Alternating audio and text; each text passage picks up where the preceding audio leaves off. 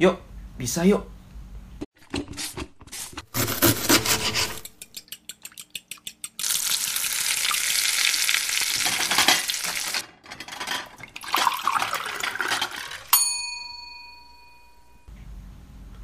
...2021 tinggal sebentar lagi... ...dan kita akan meninggalkan 2020... Apa kabar nih kalian? Semoga kalian boleh sehat di mana pun kalian berada Setiap pergantian tahun, satu hal yang biasanya dilakukan oleh banyak orang Yaitu resolusi Resolusi dibuat agar kita punya rencana-rencana yang pasti di kemudian hari kalau kalian nih food lovers, apa nih resolusi di tahun 2021 nanti?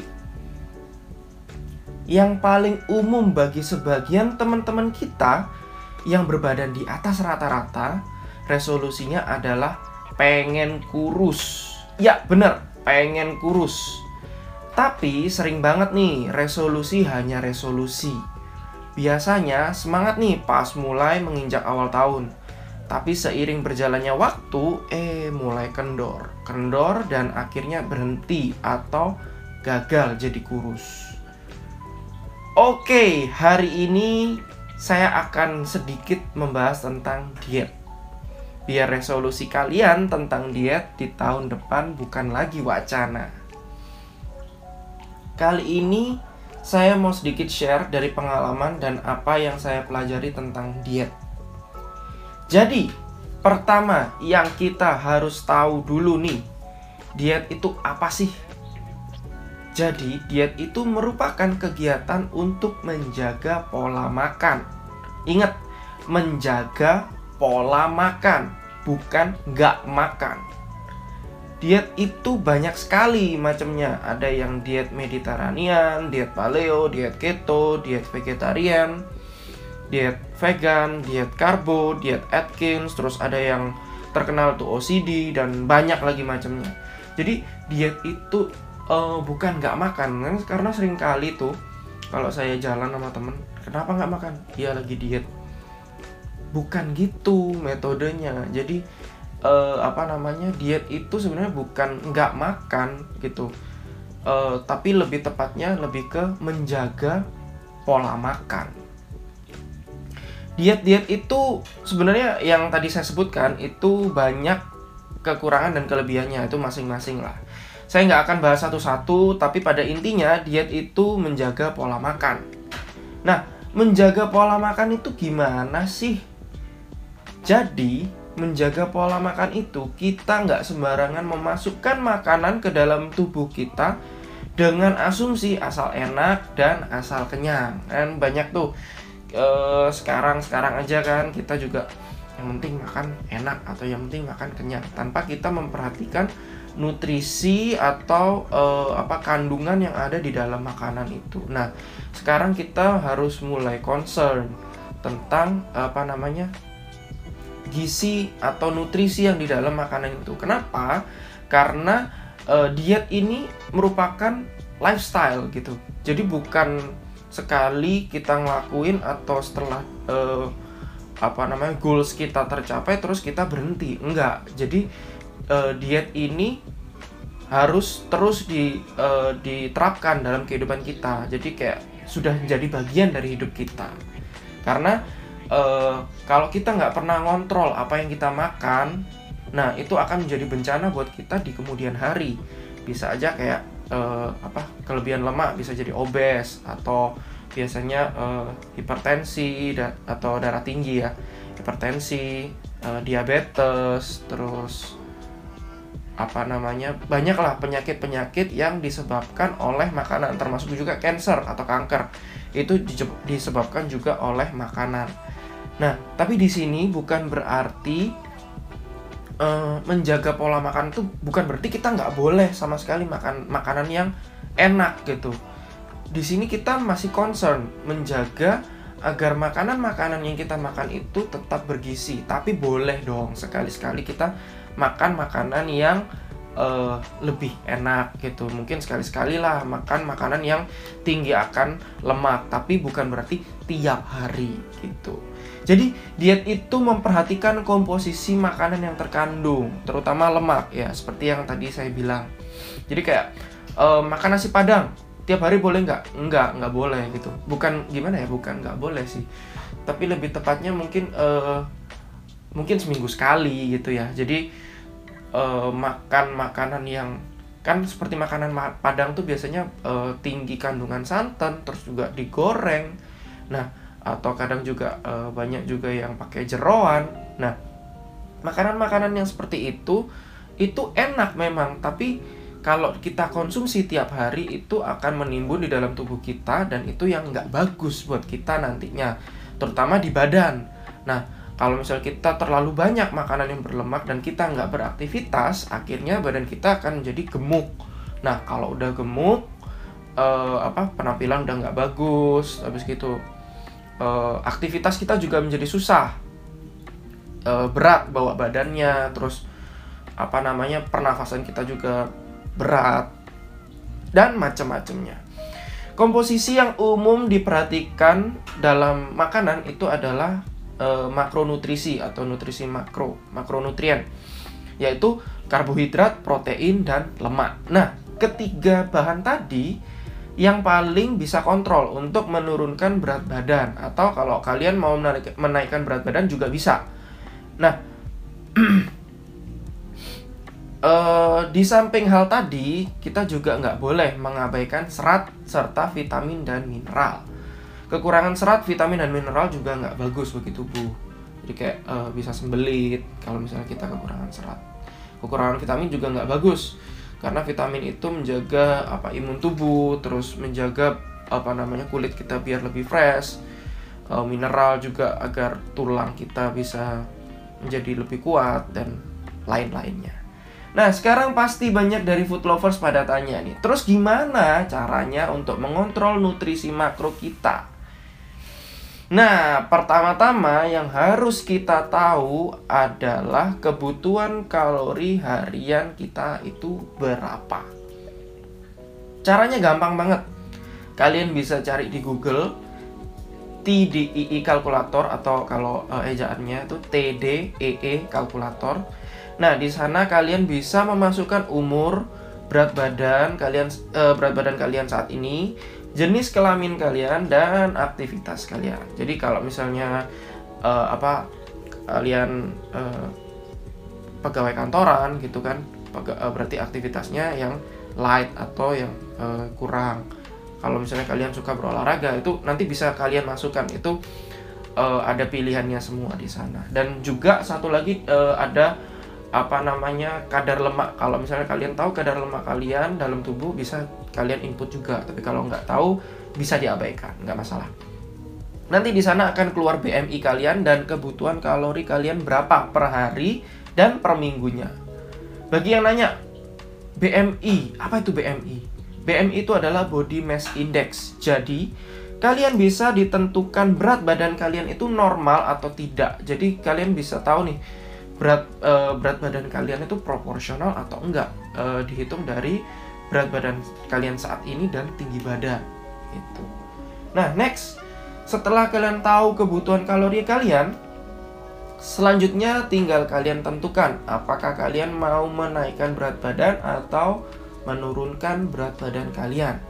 Kalau menurunkan berat badan, kalori harian kalian bisa kalian kurangi 500 kalori per hari. Begitu juga sebaliknya untuk menaikkan berat badan.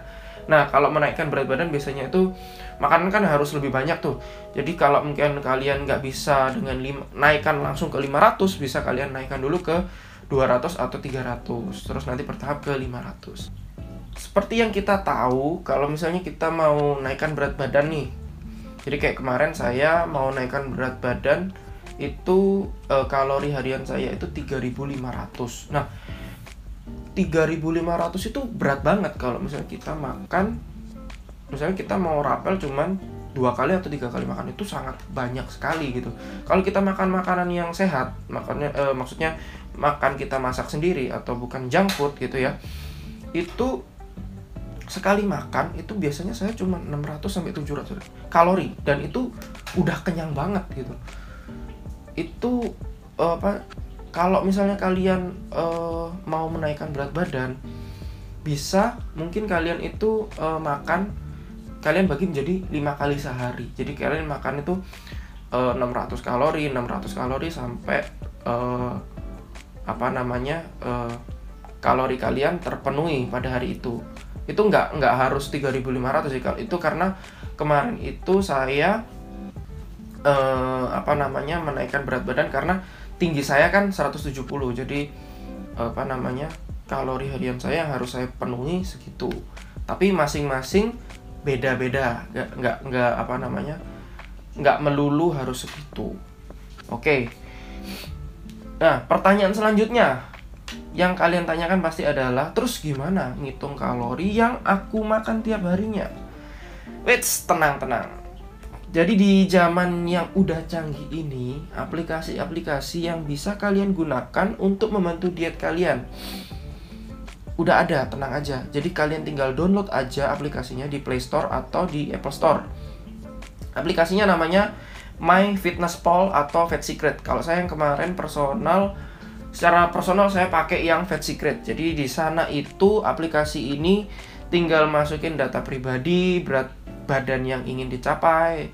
Lalu setiap harinya uh, akan dikasih tahu apa namanya uh, kalori hariannya itu berapa. Nah, di sana kalian juga bisa input apa namanya makanan-makanan yang kalian makan di hari itu. Misalnya nasi putih berapa? Misalnya 100 gram. Nanti kalian tinggal masukin aja di sana. Nanti uh, udah keluar kalori uh, nasi 100 gram itu berapa. Jadi uh, kalian yang kalian butuhkan adalah cuman menimbang makanan yang akan kalian makan.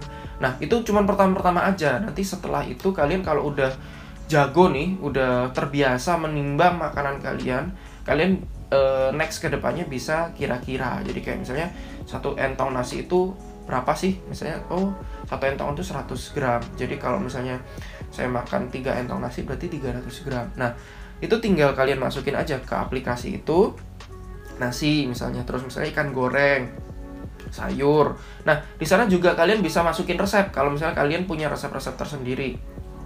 Nah atau kalau misalnya kalian makan dan apa kalian misalnya makan kayak McD, KFC itu di sana e, beberapa datanya udah masuk. Jadi kalian tinggal input aja, tinggal cari aja. Misalnya kayak e, chicken wings KFC atau apa chicken nugget atau apa ya uh, susu protein mungkin. Kalau misalnya kalian perlu susu protein itu di sana kandungannya udah ada semua. Kalorinya kebut uh, apa namanya isi proteinnya berapa lemaknya berapa karbohidratnya berapa di sana udah masuk semua. Termasuk uh, apa kandungan apa vitamin dan mineral dan juga serat. Jadi uh, komplit banget buat kalian tinggal pakai aja itu aplikasinya. Nah, kalau saya boleh saran nih, lakukan clean diet atau diet bersih. Jadi kurangi makanan-makanan yang berlemak atau digoreng. Nah, seperti yang tadi saya bilang kan, bukan berarti nggak boleh. Boleh kok, boleh. Sesekali boleh, tapi jangan terlalu sering. Percaya deh, dengan mengikuti cara ini dietnya kalian itu nggak akan sampai kelaparan banget. Karena kalau diet udah terasa nyiksa, ujung-ujungnya kalian akan jenuh dan berhenti. Berat badan yang tadinya udah turun nih 5 kilo, nah nanti balik lagi karena kalian udah jenuh. Aduh, diet kok gini banget ya, aku nggak makan nasi, atau mungkin apa ya, kok makanannya cuman rebus-rebusan doang. Jadi nggak ada rasanya dan itu jenuh banget gitu. Saya tahu banget itu karena kalau udah makan seperti itu tuh pasti rasanya tuh udah nggak normal gitu loh. Makanan yang direbus makanan yang dikukus makan telur rebus aja misalnya. Itu menyiksa banget. Nah dengan diet yang seperti ini diharapkan kalian eh, nggak uh, menyiksa gitu. Jadi tetap kalian bisa enjoy makan apa tumis kangkung atau tumis-tumis sayuran. Uh, makan ayam goreng masih boleh boleh. Tapi itu nggak sering-sering atau mungkin bisa diganti jadi apa namanya ayamnya dipotong-potong lalu ditumis dikasih bumbu oyster atau raja rasa bawang putih bawang merah uh, kalian bikinin sambal mungkin. Nah kalian tinggal masukin aja di sana nah dan kalian bisa track uh, kalori harian saya itu hari ini udah cukup belum ya gitu. Kalau misalnya belum nah nanti kasih kalian bisa tambah ya. Kalau misalnya udah mepet berarti kalian harus stop gitu. Nah itu baru namanya diet oh ya satu lagi. Kalau bisa penuhi kebutuhan protein harian kalian. Protein harian setiap orang itu setidaknya adalah 2 gram per 1 kilogram berat badan. Jadi contohnya nih kayak uh, umpama kata berat badan 60 kilo. 60 kg berarti berapa kebutuhan proteinnya? Itu adalah e, tinggal dikali aja.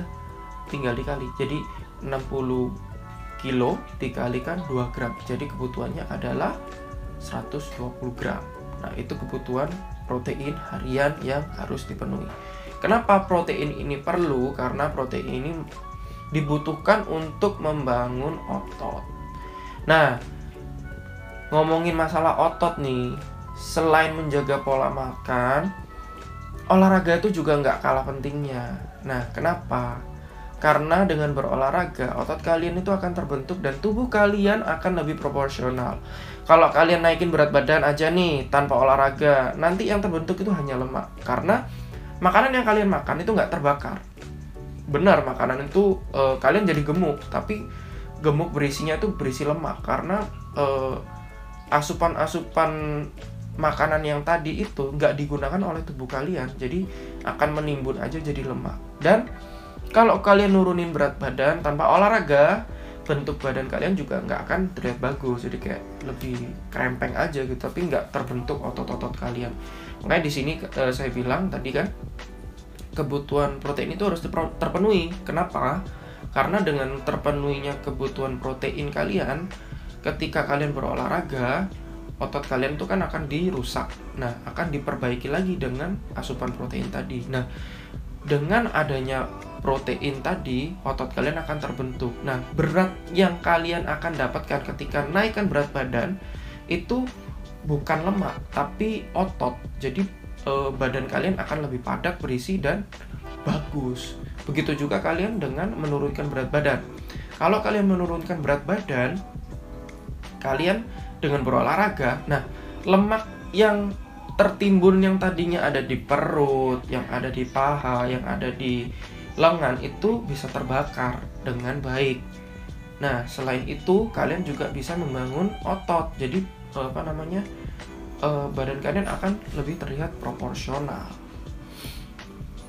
Oke, sekian dulu bahasan kita tentang diet. Share ke teman-teman kalian kalau podcast ini bermanfaat. Akhir kata, saya Aldo mau mengucapkan selamat tahun baru buat kalian semua. Stay safe, stay awesome. See you on the next podcast. Ciao, ciao.